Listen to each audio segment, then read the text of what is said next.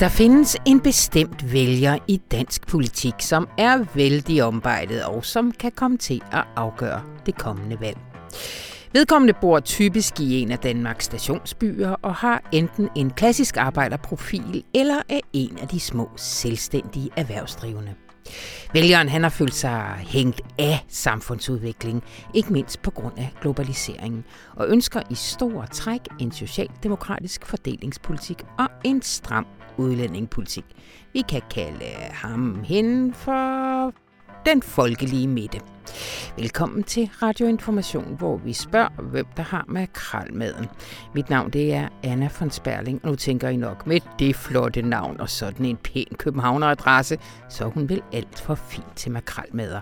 Og dertil kan jeg forsikre jer, at der ikke har fulgt hverken titel eller penge med det navn, siden en fyr, lad os kalde ham Fritz, spillede hele lortet væk en gang i det østlige Tyskland i 1600 something. Og at makrel i tomat er en fornem spise. Prøv for eksempel med en lille hjemmerørt mayo, et skvæt citron og en god gang frisk kværnet peber. Velkommen til. Det skal også handle om egentlig kvalitetskultur, for Lone Nikolajsen, hun har set Nope, den nye film af den amerikanske instruktør Jordan Peele. Han har kastet sig over UFO filmen den her gang, som ramme for sin fortælling. Lone skriver, Nope er lidt som Spielbergs Dødens Skab, hvis den film også havde handlet om, hvor trist det var for hajen. Eller som E.T., hvis drengen Elliot og det langhalsede væsen fra det ydre rum ikke lige havde været det, hinanden havde brug for. Filmen den har premiere i den her uge, og Lone kommer her ind og taler om den, men ikke mindst om Jordan Peele, som er en af vores tids mest interessante instruktører. Men allerførst så skal vi tale om britisk politik og om de konservative, der også vælter rundt inden omkring det, vi nu kalder den folkelige midte. Rigtig hjertelig velkommen til.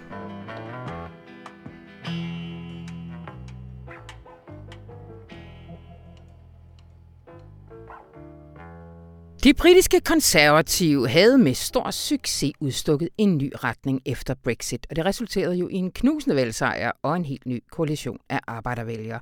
Men med to meget markedsbegejstrede og skattefjendske kandidater tilbage i kampen om at overtage efter Boris Johnson, så ligner det, at partiet er på vej ud i endnu et ideologisk opbrud. Hej med dig, Mathias Sindberg. Hej, Anna. Altså, når jeg siger endnu et, så er det fordi, når man læser den artikel, som... Øh, som du har her i, hvad bliver det så? Det er fredagens avis. Fredagens avis. Øh, så har de britiske konservative jo en kæmpe lang historie af at svinge fra side til side i forhold til, hvad man forestiller sig sådan en klassisk konservatisme. Ja, det må man sige. Altså, jeg synes faktisk selv, man tænker på de britiske konservative de år, så tænker man Boris Johnson og skandalerne og mm. korruption og alt det. Men jeg synes faktisk, der er sådan en noget interessant, ideologisk interessant ved det konservative parti i Storbritannien, ja. som der ikke rigtig er herhjemme. Altså når man ser sådan en Pape forleden dag, og altså ikke al respekt for det, men han sidder og snakker om, du ved, øh, hård mod de kriminelle og skattelettelser og folks egne penge og alt det der. Ja. Altså, det lyder ligesom som en plade, der har kørt ret uafbrudt i ret mange år ja. efterhånden. Ikke? Så de er, sådan, øh, de er lidt mere politisk agile derovre i Storbritannien? Ja, jo også fordi det ligesom er et parti, der skal rumme hele højrefløjen. Så ja. er der ligesom sådan flere ideologiske brydninger. Og så handler artiklen om, at der de seneste 10 år har været sådan en meget sådan, klar front mellem to positioner. Det er det, og dem vender vi tilbage til. Fordi jeg vil godt lige øh, blive ved de her kandidater. Altså, der er to tilbageværende kandidater i kampen om øh, formandsposten efter Boris Johnson. Der er den tidligere finansminister, Rishi Sunak, og så er der favoritten Liz Truss. Øh, altså, du lavede et stort, meget læsværdigt portræt af Liz Truss i sidste uge. Er vi der, hvor vi godt kan koncentrere os om hende? Det vil jeg sige, ja. Altså alle meningsmålingerne viser i hvert fald, at hun er foran med over 30 procent, og man kan også se, at altså, alle, der bare er noget, der minder om noget som helst i det konservative parti i Storbritannien, er nu ude og erklære deres støtte til Liz Truss. Altså okay. på en måde, som man godt kan se. De ved godt, at rent karrieremæssigt er det det fornuftige sted ja. at øh, stille sig hen nu. det er rette øh, side af historien. Øh, hvem er hun, Liz Truss? Øh, Liz Truss er jo, hvad hedder det, øh, i modsætning til mange andre øh, i toppen af det konservative parti, så er hun ikke for sådan en aristokratisk overklasse. Hun har ikke gået på en dyr privat skole, og hun har ikke sådan et navn ligesom Boris de Fuffle Johnson. Eller, altså, mm. hun, er, hun kommer ikke fra det gamle aristokrati. Hun kommer fra øh, sådan et almindeligt kvarter i øh, Leeds i det nordlige England, en arbejderby. Hendes far var godt nok professor, og hendes mor var sygeplejerske. Men ellers så kommer hun fra sådan en almindelig baggrund, hvilket i det konservative parti i Storbritannien betyder folkeligt, altså meget folkeligt. Ja, ja.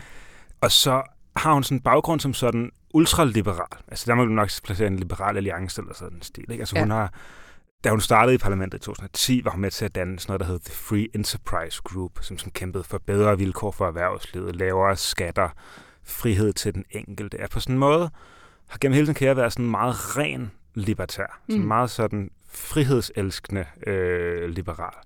Øhm, faktisk så har hun døbt sin datter Liberty, mm. så meget elsker hun frihed. Og det er også noget, hun snakker meget om. Altså mm. hun siger frihed og Margaret Thatcher utrolig meget, hver gang hun taler offentligt. Ja, og der, der er jo folk, der før har prøvet at, øh, at, at hvad skal man sige, hoppe i, i uh, Margaret uh, Thatcher-kostymet, uh, men hun gør det til en helt ekstrem grad. Helt ekstremt. Altså, både sådan, hun har været udenrigsminister de sidste par år, hvor hun ligesom nærmest har genopført sådan nogle klassiske fotografier af Margaret Thatcher, sådan stået på den røde plads i Moskva med bjørneskins hue og lavet sig fotografere oven, øh, mens hun stod på en tank og spejde ud i horisonten og sådan noget. Sådan en masse sådan, nærmest sådan Thatcher memorabilia, hun opsøger. Ja. Og så her til en af øh, tv-debatterne til formandsvalget, mødte hun sådan simpelthen op, sådan cosplaying nærmest, mødte hun op i øh, det sådan helt ned i detaljen præcis samme tøj, som Margaret Thatcher havde på til en øh, kendt tv-debat i 1979. Øh, det appellerer umiddelbart til øh, partiaktivisterne. Ja, det gør det, og det er også det, der er interessant ved den valgkamp, der er lige nu. Øh, den bliver ført over for medlemmerne af det konservative ja. parti. Altså ikke deres vælgere, men dem, der sådan er medlem af partiet. Øh, og det er en ret særlig gruppe. Altså det er man ved ikke engang helt, hvor mange der er, hvilket også er sådan demokratisk betryggende i forhold til, at de skal vælge den nye premierminister. Men det er mellem 150 og 200.000 mennesker, som altså sådan overvejende bor i det velstående Sydengland, er ældre end gennemsnittet, er videre end gennemsnittet, er rigere end gennemsnittet. Øhm, og blandt den her gruppe, altså der tyder alt på, at skattelettelser og minimalstat og øh, frihedsomfavnelse i bred forstand er meget populært. Det kan ja. man også se nu, både Truss og Sunak lover skattelettelser og minimalstat og siger... Frihavne. Frihavne, ja, og siger frihed og Thatcher hele tiden. Ikke? Ja. Øh, men ude i den bredere befolkning er historien en, en, en lidt anden. Altså, der er ikke noget, der tyder på, at de britiske vælgere er særlig øh, interesserede i skattelettelser. Nej, fordi, altså, som vi lige nævnte indledningsvis, altså, den, den opskrift, som sikrede Boris Johnson den største øh, valgsejr for de konservative siden, var det også 79, mm. eller, øh, var jo noget fuldstændig andet. Altså, hvad, hvad var det for en, en opskrift? Det, det var den nemlig. Altså, man kan sige, at siden Thatcher, som ligesom op, opfatter som det her store sådan liberale ikon og alt det der, altså siden hende var der ligesom nogle årtier, hvor man var sådan udpræget liberale i det konservative parti. Ja. Ned med skatten, personlig frihed, øh, væk med the nanny state, som de kalder det, osv. Øh, og så sker Brexit, og Brexit var ikke kun et chok for sådan også lidt venstresnået, hvor der var information. altså, det var jo også et chok for centrum højre. Det var Brexit, ja. og det var Trump. Altså, det var ligesom, det var en afvisning af eliten, ikke kun øh, Støjbergs øh, salonkulturelite, men også ligesom sådan den økonomiske mm. elite og den politiske elite. Globalisering. Fordi den afslørede ja. ligesom, at der var et meget stort antal mennesker, der var utilfredse, følte sig efterladte og overset, øh, havde mistet sikkerheden og troen på samfundet og demokratiet, alt det der, som vi har snakket utrolig meget om. Mm. Øhm, og det fik David Cameron, der var meget liberal, til at gå af, og efter ham tager Theresa May sig over. Og hun lægger en sådan lidt ny linje. Altså hun mm. erklærer først øh, Camerons nedskæringspolitik øh, for over, og så snakker hun om, at man skal til at fokusere på alt det gode, regeringen kan gøre. Altså at regeringen ikke altid er øh, sådan ond, at den ikke bare skal stille sig, skynde sig at komme af vejen, så de private kræfter kan tage over osv., at regeringen, staten også er instrument til at gøre godt, og til at hjælpe de, øh, til at, hvad hedder det, hjælpe de mennesker, der har det svært. Ja. Altså sådan en måde sådan at være sådan lyttende over for det her øh, folkelige oprør. Øh, og hun og den, den position overtager Johnson i, lang, i høj grad. Altså, man hun har jo ikke voldsom succes med den umiddelbart, eller? Mm, nej, det har hun ikke. Hvad hedder det? Det har hun umiddelbart ikke. Nej. Det er også fordi, der er sådan et Brexit-kaos ved siden af. Hvad ja. hedder det? Men Johnson får stor succes med det. Ja. Og desuden så er det også, i valget i 2017 er hun faktisk ret tæt på at vinde nogle af de der arbejderkredse, Labour har haft i årtier. Ja. Øhm, men gør det så lige præcis ikke, og så får Johnson så lige skubbet dem over stregen ja. i 2019. Og i 2019, der vinder de jo en kæmpe sejr. Altså, de vinder med, de har et flertal på 80 mandater. Og det er på en opskrift, der hedder, at man rykker lidt til højre i værdipolitikken, altså øh, asylansøgerne skal sendes til Rwanda, øh, alt muligt snak om øh, transpersoner og wokeness og identitetspolitik, der er gået for vidt. Og så rykker man lidt til venstre på økonomien. Altså, staten kan også være et redskab til at opnå gode ting. Øh, vi er bekymrede for ulighed. Vi skal også øh, sikre, at der ikke er en lille elite, der skummer al fløden. Vi skal sørge for, at der bliver investeret massivt i de farmede områder i Nordengland osv. Altså ja. en, på en gang en omsorgsfuld stat, der er villig til at skride ind i økonomien omfordele, samtidig med, at man værdipolitisk sådan forlader øh, nogle af de progressive synspunkter, som jo også er en del af liberalismen. Ja. Altså at alle skal have lov til at definere, som de skal, øh, vi har åbne grænser og alt det der. Ikke? Ja. Altså man, øh, opskriften er grundlæggende, at man rykker ja, til højre ja. på det politikken og til venstre på hvad hedder det, den økonomiske politik. Og ja. det er en bravende succes. Ja. De vinder ikke bare en stor sejr, de vinder også nogle valgdistrikter i Nordengland, for eksempel det man kalder The Red Wall, hvor at til typiske sådan, arbejder, hvad hedder det, arbejderområder i Storbritannien, hvor man altid har stemt øh, socialdemokratisk. Ja. Og dem vinder Boris Johnson, altså formår at skabe en helt ny konservativ koalition, som mm. både har mange af de gamle, sådan for den australiske overklasse og så videre, for den økonomiske overklasse, men også fagner arbejdervælgere, der gerne vil have en stor stat, men er hvad hedder det, også er inde i en stram udlændingepolitik og mener, at storbyelitens identitetspolitik er gået for vidt og så ja. videre. Ikke? Altså ja. en helt ny koalition, øh, som ser ud til at kunne holde dem ved magten meget længe. Altså mm. det troede man til for et år siden, lignede det, at, øh, han vil, at de ville kunne regere for evigt nærmest. Ja. Og så holder han fest på et øh, forkert tidspunkt. Øh, men den historie kender vi, det gider vi jo egentlig ikke rigtigt. Fordi det, jeg synes er så interessant ved den artikel, du har her fredag, det er, at den umiddelbare analyse kunne være, at han holder fest på et forkert tidspunkt, og så brager det hele sammen og sådan noget. Men under neden er det nogle rigtig gamle modsætninger i det konservative parti, der ligesom igen blusser op.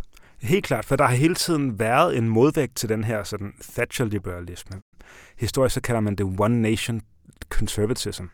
Øh, det, er sådan, det bliver tilskrevet et citat fra Benjamin Disraeli, hedder han. Han var premierminister af to omgang i, i 1800-tallet, og holder en meget berømt tale om, der hedder One Nation, hvor han snakker om, at øh, at man ikke, samfundet må ikke blive et, et samfund af to nationer. Et nation af de rige, og en nation af de fattige, og de har ikke noget med hinanden at gøre, og lever adskilt, uden øh, samkvem og solidaritet og den her slags ting, siger han. Mm. Derfor bliver man nødt til ligesom, at have en mere omsorgsfuld konservatisme, hvor man ikke bare ser de fattige arbejderklassen som nogen, der skal udbyttes maksimalt, men som også er, men ligesom, at der er et skæbnesfællesskab for hele nationen. Øhm, og det har sådan været en år i det konservative parti. I 1930'erne var der en, der hed Stanley Baldwin, konservativ premierminister også. Det er ligesom også kaldt sig One Nation øh, konservativ. Og den bliver så samlet op under Theresa May. Mm. Uh, Theresa May selv var ikke den store ideolog, men nogle af hendes den tætteste rådgiver, og jeg har faktisk talt med, uh, med en af dem til artiklen, ligesom er meget ideologisk inspireret af den her One Nation Toryism. Boris Johnson er formentlig heller ikke en stor ideolog, men han samler altså det her, mm. hvad skal man sige, det her program op og realiserer en del af det over de seneste år. Mm. Men, men, øh, men det er kun én strømning i partiet. Altså, de, de ideologiske modsætninger øh, har eksisteret hele vejen igennem, forstår man. Det har de gjort hele tiden, og man kan sige, øh, nu, nogle af de kilder, jeg har talt med, som fremstiller det også som, at man lavede den her nye koalition, man lavede et ideologisk sådan, kursskifte. Det var jo også en hård kamp, der var mange i partiliden, der var imod det. Og de udlægger det sådan, at mm, det er noget, der er stadig utrolig mange store dele af, altså at politikerne i parlamentet, af donerne, af partieliten som sådan, der grundlæggende er Thatcherist. Altså der er ja. libertære, der er øh, liberale, der grundlæggende ser staten som et problem, og det private initiativ som løsningen. Problemet er for dem altså bare, at det gør vælgerne ikke længere. Altså, vælgerne er rykket et andet sted hen, og øh, vil ikke nødvendigvis have skattelettelser. Og der bliver det så udlagt, det vi ser nu, som sådan et form for oprør for partieliten. Ja, ja. Jeg synes, det er sjovt. Du, du spørger så også dine kilder her, at altså, man sidder og tænker, hvordan fanden kan det her så hænge sammen? Altså, regner de så med, at det er nogle ret vilde tal, så man lige kan finde dem i forhold til Øh, lidt, du Jamen det er sådan noget, jeg kan lide. Jeg tror godt, jeg kan huske det nogle gange. Det er cirka 25, cirka 20 procent af britterne som sådan, der er interesseret i skattelettelser. Øh, 30 procent vil gerne betale mere i skat, og 40 procent synes, det er passende.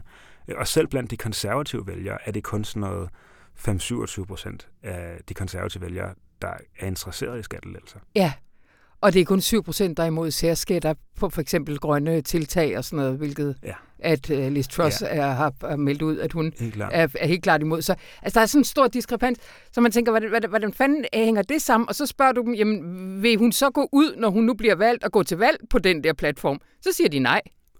Jamen, det er jo sådan, det det er et fænomen, man kender særligt fra steder med topartisystemer. Man ja. kender det også fra USA, hvor de først skal karriere rundt til primærvalgene og ligesom appellere til øh, partiaktivisterne, og så skal de, demokraterne skal sige noget rigtig venstreorienteret, og republikanerne skal sige noget rigtig højreorienteret.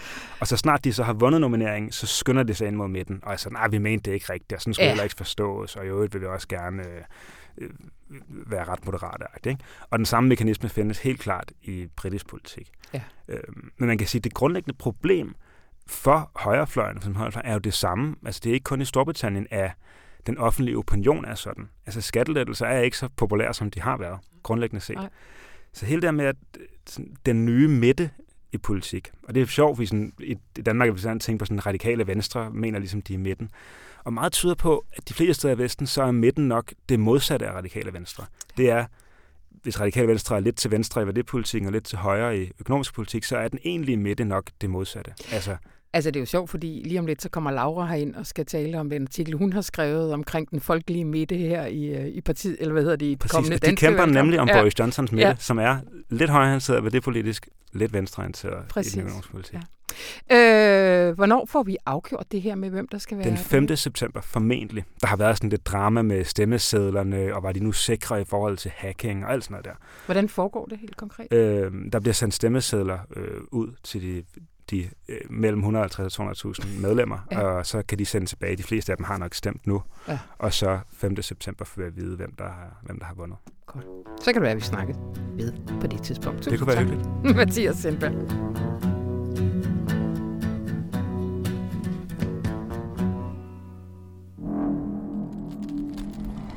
What if I told you that today you'll leave here different. Pops.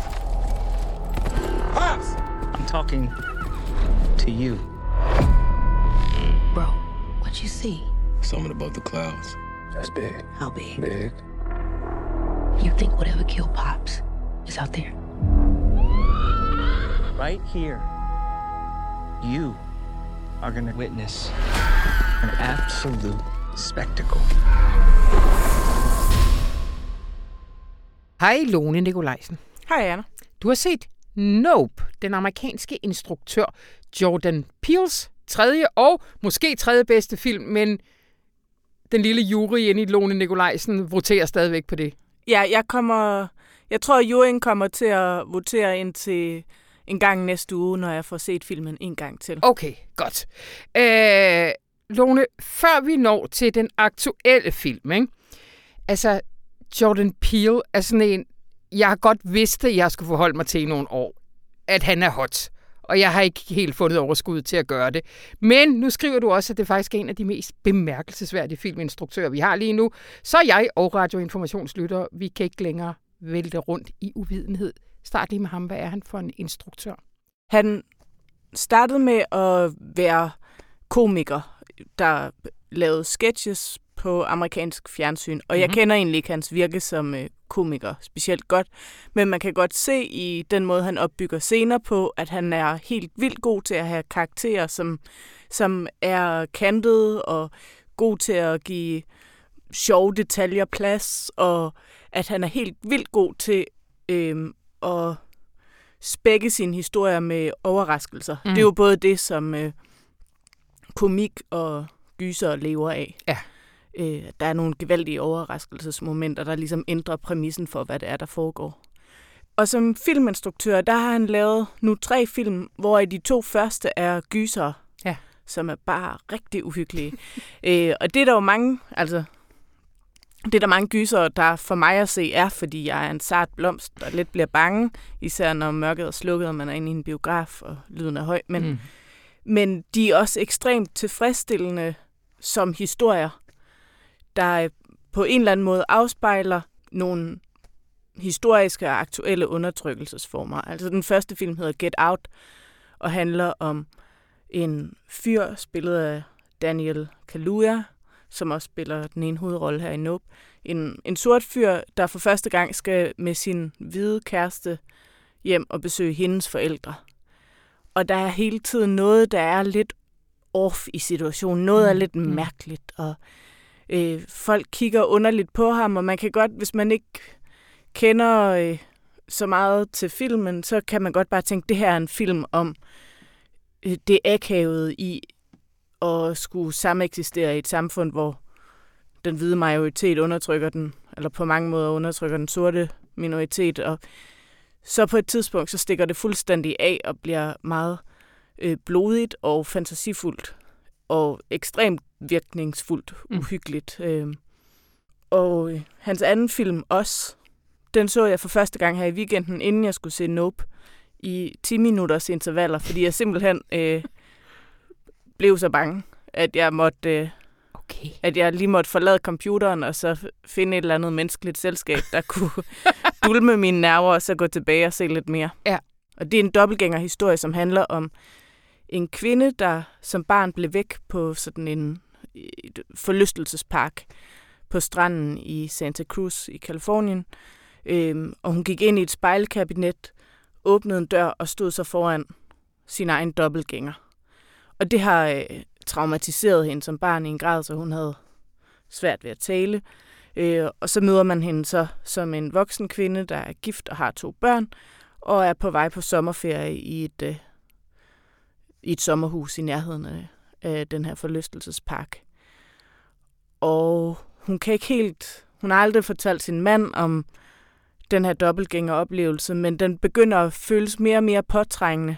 Og så pludselig så står der en helt dobbeltgængerfamilie ude i indkørselen, iført sådan nogle røde kædeldragter.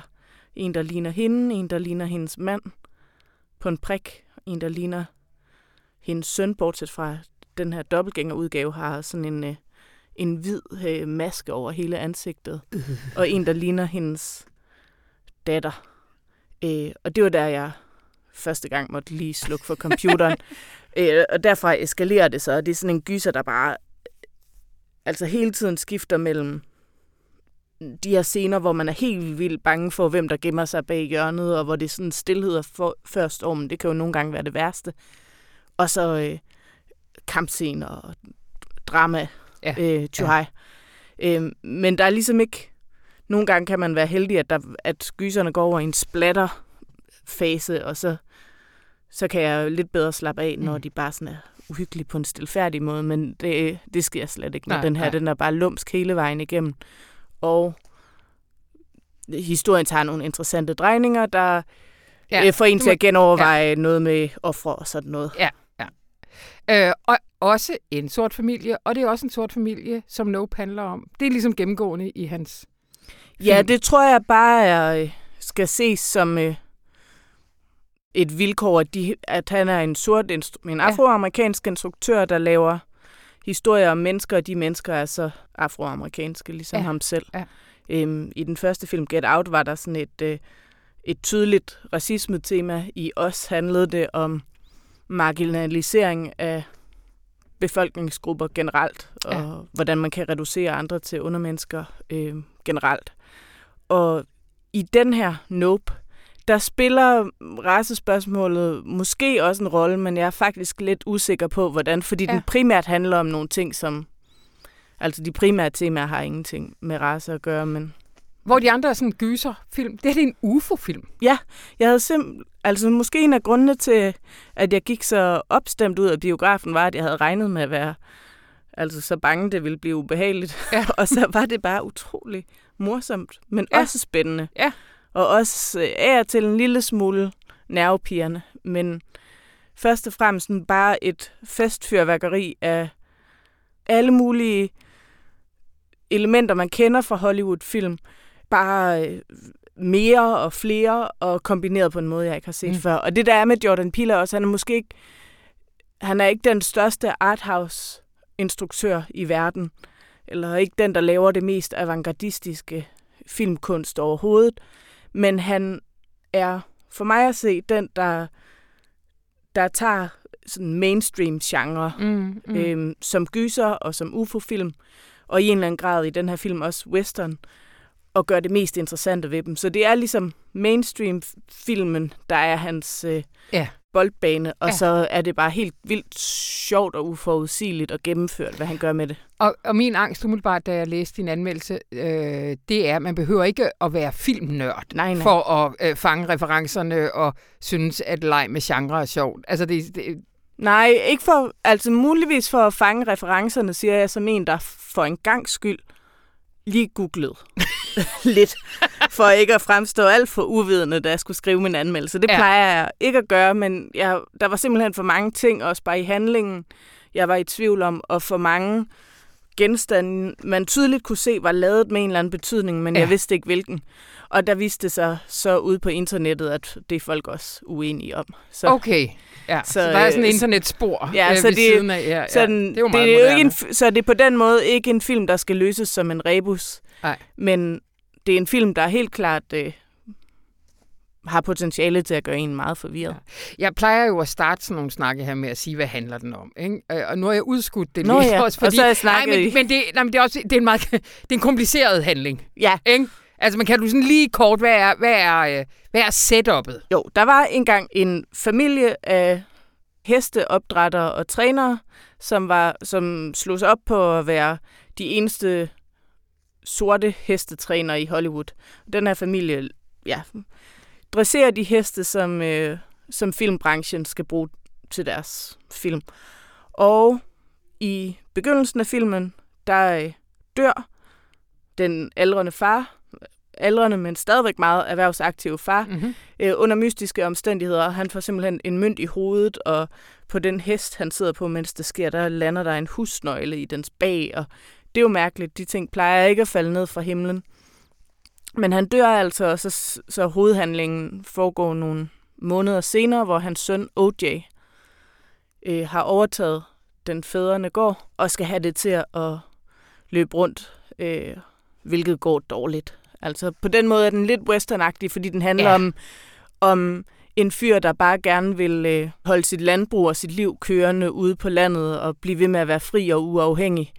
Og så har han en, en øh, slæsk, men pengestærk nabo, som er den her tidligere barnestjerne, der hedder Ricky Jupe Park, som har lavet et westernland, der er bygget op om en karakter, han engang spillede i en børnewestern, Og da han var en dreng. abe. Jamen, det er en anden produktion, han har været med i. på den måde, der er der flere spor. Men det her med abesporet, det kommer også på banen meget tidligt, og først er man bare forvirret.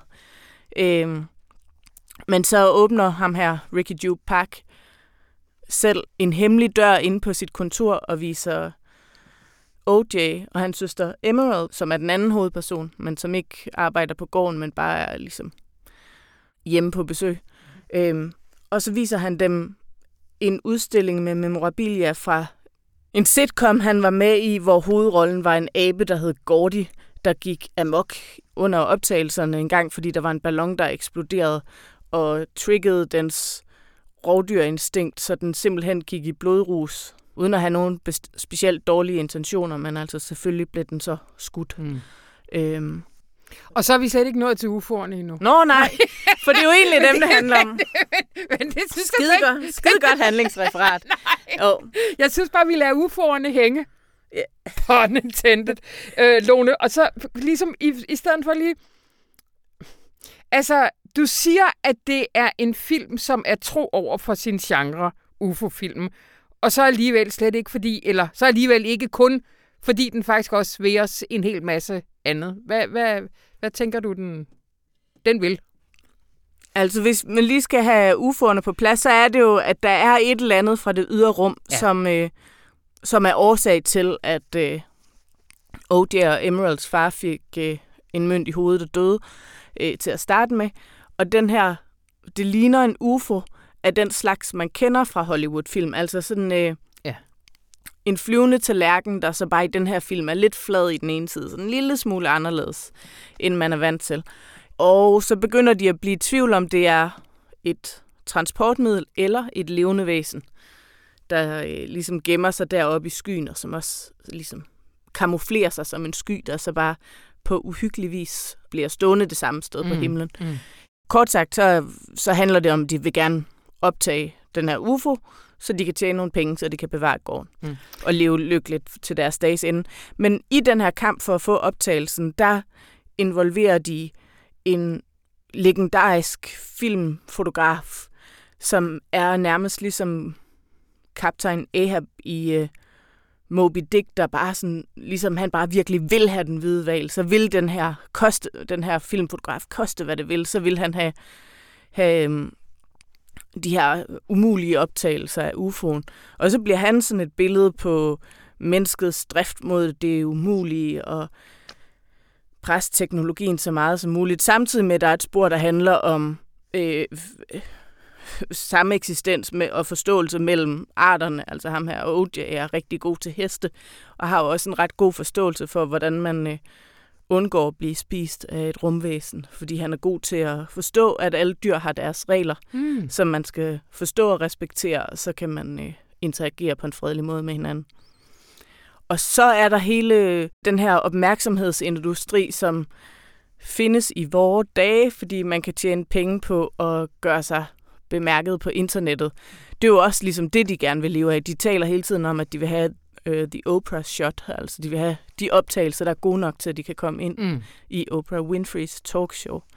Um, så alle karaktererne har et eller andet med, at de gerne vil se det, der er umuligt at komme til at se, eller de gerne selv vil se, så gerne vil altså være berømte, ja. øh, fylde noget i mediebilledet, og så er der lige OJ i midten, som øh, har svært ved at holde øjenkontakt, og som egentlig også godt kan lide at omgås væsner, der, som man skal lade være med at kigge ind i øjnene, for eksempel vilde heste. Mm.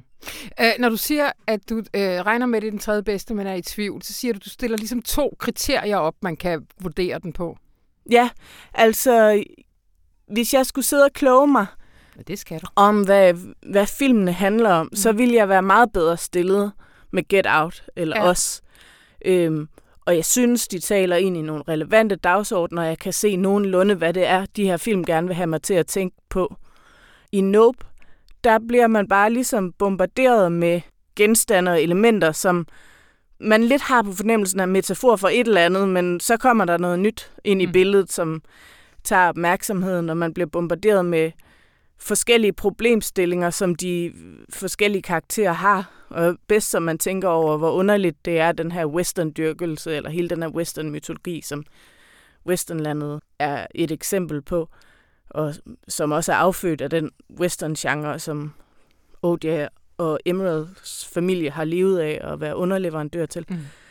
Så åbner han en dør, og så er, der, altså, så er man inde i det der abe, den der abe-sitcom. Ja. Og så begynder man at tænke på chimpanserettigheder. Altså, ja. øhm, så på den måde er det en sjovere tur i karusellen, ja. fordi ja. man bliver rundtosset. Mm. Men jeg får lyst til, som dig, at starte med de to andre. Skal man det, eller? Ikke nødvendigvis, Ej. men jeg vil totalt anbefale dem alle ja. tre. Godt, det bliver det sidste år. Tusind tak, Lone Nikolajsen.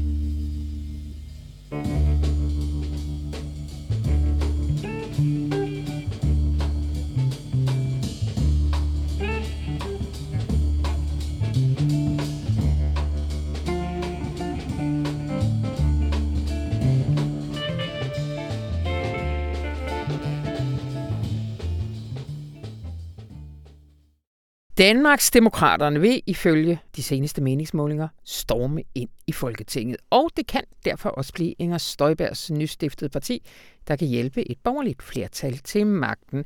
Og det bliver ikke mindst afgjort af, hvor høj grad det lykkes at få hævet nogle stemmer tilbage over midten fra Socialdemokratiet.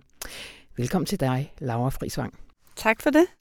Øh, du har fat i et par eksperter, og så har du kigget på det relativt begrænsede øh, politiske ja, program er det jo ikke. De relativt begrænsede meldinger, der er kommet fra Danmarksdemokraterne på deres hjemmeside om, hvad de faktisk vil. Ja, jeg har faktisk bare øh, taget et kig på deres hjemmeside under øh, en fane, der hedder Vores Politik, hvor der er øh, fire øh, øh emneord øh, og en lille beskrivelse under hver af dem. Og det, det er ligesom det, man kan man sige, kan tage udgangspunkt i, for at forstå, hvad det er, Danmarks demokraterne vil nu. Øh, ja. Øh, og så selvfølgelig har Inger Støjberg jo også lavet nogle interviews rundt omkring, og er så også efter artiklen blev udgivet kommet med, med et forslag om barsel. Men det er ligesom primært det, der står på hjemmesiden, som vi ved om, om partiets politik. Ja, og det har du så øh, henholdt til, hvad vi øh, ved om Socialdemokraternes politik. En hel del her efter tre år men øh, ved magten. Men øh, det kommer vi lige tilbage til, fordi altså helt grundlæggende set, Laura, så spørger I i øh, den her artikel, altså hvad er det for nogle vælgere, der skal bevæge sig over midten, øh, for at Inger Støjberg kan ende som, øh, som, som afgørende i det kommende valg? Øh, I har talt blandt andet med Lars Olsen, som jo er forfatter og Centrum Venstre debattør. Han kalder det den folkelige midte. Altså, hvad, hvad betegner, hvad, hvad er profilen på den her vælger? Det er faktisk en rimelig bred profil. Altså, man, øh, da jeg præsenterede den her artikel øh, til visen, så var der, eller til morgenmødet, så var der hurtigt en kollega, der var sådan, det er jo den her blå bjarnevælger, som, ja. som man har hørt om i, i 20 år, som er tror jeg, i beskrivelser, bor i Herlev og øh, er håndværker, har sådan en klassisk arbejderprofil. Og, sådan, og det er jo også en del af den folkelige Og som han var, ham man så gå frem og tilbage mellem DF mellem og Socialdemokratiet. Lige præcis, ja. og Venstre. Ja, ja. Øhm, og, og ham her, Blå Bjarne, som vi har talt om siden øh, årtusindskiftet, er, er en del af den folkelige midte, men, ja. men, er, men, men den her gruppe er bredere end, end bare ham, så at sige. Det er typisk en vælger, som bor øh, uden for de store byer, i nogle af de her stationsbyer eller provinsen, øh, nogle gange endnu længere ude på landet. Øhm, så øh, er det, det kan være en, en lille selvstændig erhvervsdrivende, mm. eller det kan være en, en, der har sådan en klassisk øh, arbejderprofil. Nu taler man jo ikke rigtig sådan om arbejderklassen længere, men Øh, men, men en, sådan en, en lønmodtager kunne mm. det også være. Øhm, og så er det jo typisk øh, rent politisk en vælger, som egentlig godt kan lide, at vi har øh, en god velfærd, øh, men som samtidig øh, på værdi altså værdipolitisk øh, ligger sig mere klassisk til højre og ønsker en, en stram udlændingepolitik osv. Mm. Og det er ligesom den vælger, som øh, ikke bekender sig til et parti. Altså der er nogen, der vil kalde det en meget illoyal vælger, men som kan sådan shuffle lidt mellem Socialdemokratiet, Venstre, måske endda konservative, men jo så i hvert fald også Dansk Folkeparti og nu Inger Støjbergs parti. Mm. Danmarksdemokraterne. Mm. og det var den vælger, peger øh, dine eksperter på, som i høj grad var afgørende for, at øh, Mette Frederiksens projekt lykkedes i, i 2019. Hvad, hvad, altså, hvad skulle tyde på, at de taber den vælger den her gang? Jamen, der er jo flere indikationer på det, kan man sige. Man kan jo ja. starte med at gribe fat i øh, meningsmålingerne øh, som hen over sommeren har vist, at øh, Socialdemokratiet øh, har øh, altså, forfaldende tilslutning øh, fra vælgerne, mens øh, Danmarksdemokraterne jo simpelthen bare ser ud til at storme ind i Folketinget, som øh, kommentatorerne ville sige. øhm, Lige nu er du en kommentator. Ja, det er Nå, jeg. Du kan må tage den på dig. Ja, øhm, med, med, altså i nogle målinger får hun jo 11 procent ja. af, af, af danskernes stemmer. Jeg tror, det giver sådan noget 20 mandater, øhm, og bliver jo så en rigtig stor magtfaktor. Og det man kan se er, at hun stjæler primært vælgere fra Dansk Folkeparti, også rigtig mange vælgere fra Venstre og nogle fra Konservative, men de vælgere, som er super afgørende for, ja. om det bliver en rød regering eller ej, det er jo de vælgere, hun jo så også formår at tage fra Socialdemokratiet, som i de samme målinger jo går øh, ret markant tilbage og står til et historisk dårligt valg. Mm, mm. I artiklen så beskriver det her med, at, at den her vælger er glad for, for noget velfærd. Øh, der skal være en god øh, man sige, bund i, i den danske velfærdsstat, men også er meget følsom over for geografisk øh, uretfærdighed. Øh, Ja, og det, og det kan man så sige, det kunne være en anden indikator på, at, øh, at Inger Støjberg dels jo forsøger at få fat i den her målgruppe, men også vil, vil lykkes med det, og det er, at, øh, at det er en, en, en vælgergruppe, som, øh, som går rigtig meget op i sammenhængskraften mellem, eller ikke så meget sammenhængskraften mellem land og by, men i hvert fald den ja. splittelse, som er blevet tegnet op over årene om, at øh, der er en udvikling i de store byer, og alt, hvad der går godt, tilfalder byboerne, mens provinsen bliver udsultet osv. Og, så videre, ikke? og det taler hun jo direkte ind i, og det er også det, Socialdemokratiet har forsøgt at tale øh, rigtig meget ind i de, øh, de seneste tre år, hvor at, øh, at partiet har haft regeringsmagten. Og, og, øh, og det man jo så også kan se, er, at Socialdemokratiet jo så også i den strategi har måttet indse, at man har tabt nogle gamle byvælgere, som ja. jo også er vigtigt for, for S, fordi det jo skal være et meget bredt folkeparti, så man kan ikke bare tale til en vælgergruppe. Og så er det, at eksperterne i, i min artikel her øh, fremhæver, at det kan være det, det, som Inger Støjberg jo så nu prøver at udnytte, at når Mette Frederiksen går over og begynder at tale... når hun går fra, fra øh, hvad hedder det, makralmad til Rune Lykkeberg. Så, lige præcis. Øh, så kan Inger Støjberg ja. lige øh, gå ind og spille 100% på den banehalvdel, fordi hun behøver ikke nødvendigvis at fagne lige så bredt som Socialdemokratiet. Øh, hun skal bare tage stemmer fra, fra netop det parti. Øh, så på den måde kan hun vise sig at være en mere troværdig fortaler for provinsen, end, end Socialdemokratiet kan, øh, kunne, kunne man forestille sig. Ikke? Mm. Og det er jo virkelig påfaldende, når man ser på de klip, som du har øh, taget med fra, hvad der står inde på Danmarksdemokraternes hjemmeside. Ikke? Fordi at øh, sidst vi så noget til Inger Støjberg, der var det jo som Venstre løb inde og, og, og, og i en eller anden grad i en eller anden minimal statstradition. Og i dag, det ligger meget tæt op af, hvad man skulle synes, og sådan bare socialdemokratisk lingo, meget af det, der er derinde. Det er rigtig sjovt. Altså, det er rigtig sjovt at lave den type... det var ret sjovt for mig at sidde ja. og sammenligne, fordi der er jo nogle vendinger, som Altså, hvis man lavede en quiz, så tror jeg, at det ville være rigtig svært for vælger, øh, eller for, for den, der øh, skulle tage quizzen, ja. og, øh, og skældne. Så på den måde, i, netop i lingoet, er det jo så meget, meget ens. Og så er det jo så med det forbehold, at vi ikke ved, hvad det er for noget konkret politik, ja. Inger Støjberg kommer til at, at fremlægge. Men man kan se i hvert fald, at det, som de har valgt at lægge vægt på, som deres fire, altså som partiets fire indsatsområder, og den måde, de jo så beskriver de her politiske fokuspunkter på, øh, minder rigtig meget om Socialdemokratiet. Ja. Respekt for produktionsdanmark. Præcis. en af dem. Ja, og, ja. og at øh, man vil bevare Arne-pensionen, fordi det er kun ret og rimeligt, eller hvad det er, øh, ja. de skriver, ja. at ja. Øh, dem, der har slidt længe på arbejdsmarkedet, ja. kan trække sig tilbage. Og de taler om velfærden, den skal følge med de ældre, og den skal være i hele landet, og de taler også begge to om afbyråkratisering af den offentlige sektor øhm, ja. og sådan nogle ting. Og så bliver det jo et interessant personligt øh, opgør. Øh, Inger Støjberg stiller op i Nordjylland, øh, hvor Mette Frederiksen også gør, og de kommer to damer med hver deres, øh, i hvert fald til sydenladende lorte sager. Øh, Støjberg selvfølgelig med, med rigsretsdommen, og Mette Frederiksen med, med, med Mink-sagen. Øh, men dine eksperter er øh, enige om, at den her øh, folkelige midte vil dømme dem lidt forskelligt? Ja, det er rigtigt. Altså det, det er jo sjovt på den måde, fordi de begge to har den her sådan øh, Øh, skandale, som handler om regeringsførelse og, øh, og hvordan man forvalter magten i statsadministrationen og forholder sig til embedsværket osv. Så, videre, ikke? så på den måde er der jo nogle linjer, der går igen i både Mink-sagen og, og, og Instrukssagen.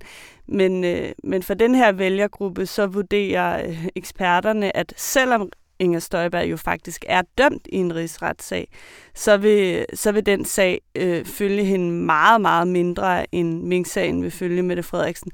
Simpelthen fordi det handler om henholdsvis øh, mink og minkavlere, som jo er i provinsen og mm. på landet, og som er øh, selvstændige erhvervsdrivende på den ene side, og så om asylansøger på den anden side, mm. ikke? for sådan at kode det helt ned. Mm. Øhm, mm. Så på den måde mener de ikke, at Mette Frederiksen vil få noget ud af at slå på Inger Støjberg for at have været, altså for at være blevet dømt i en rigsretssag, mens at Inger Støjberg med fordel kan slå på Mette Frederiksen for at have øh, forårsaget et helt, øh, at et helt erhverv ja, er blevet ja. lukket ned, og alle de ting. Ja, vi, ja. og det kommer vi til at tale meget mere om men altså, desværre ikke med dig, Laura, fordi Nej. du går på barsel. Er det, undskyld, som sådan en indlandsrotte som dig, at du går på barsel lige når vi skal til at have et folketingsvalg. Er det ikke lidt... Øh... Åh, øh... oh, det er lidt vemodigt. Jeg havde jo håbet, at hun havde trukket det helt til det sidste, til, øh, til juni, fordi så kunne jeg være nødt at komme tilbage. Så kan du komme tilbage. Altså, vi ved det jo faktisk ikke. Nej, det er Nej. rigtigt. Vi må se.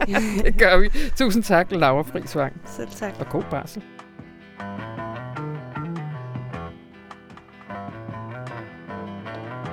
Og det var det, vi havde valgt fra denne uges aviser. Lyt med næste gang, hvor vi har meget mere. Jeg vil ikke afsløre det. Det er fordi, jeg ikke ved det. Så meget er vi nemlig lige nøjagtigt i ugen. Øh, vi hedder Radio Information, jeg hedder Anna von Sperling, og programmet det var klippet af Anne Pilegaard Petersen. Og så ønsker jeg dig en dejlig sommerweekend. Hej hej.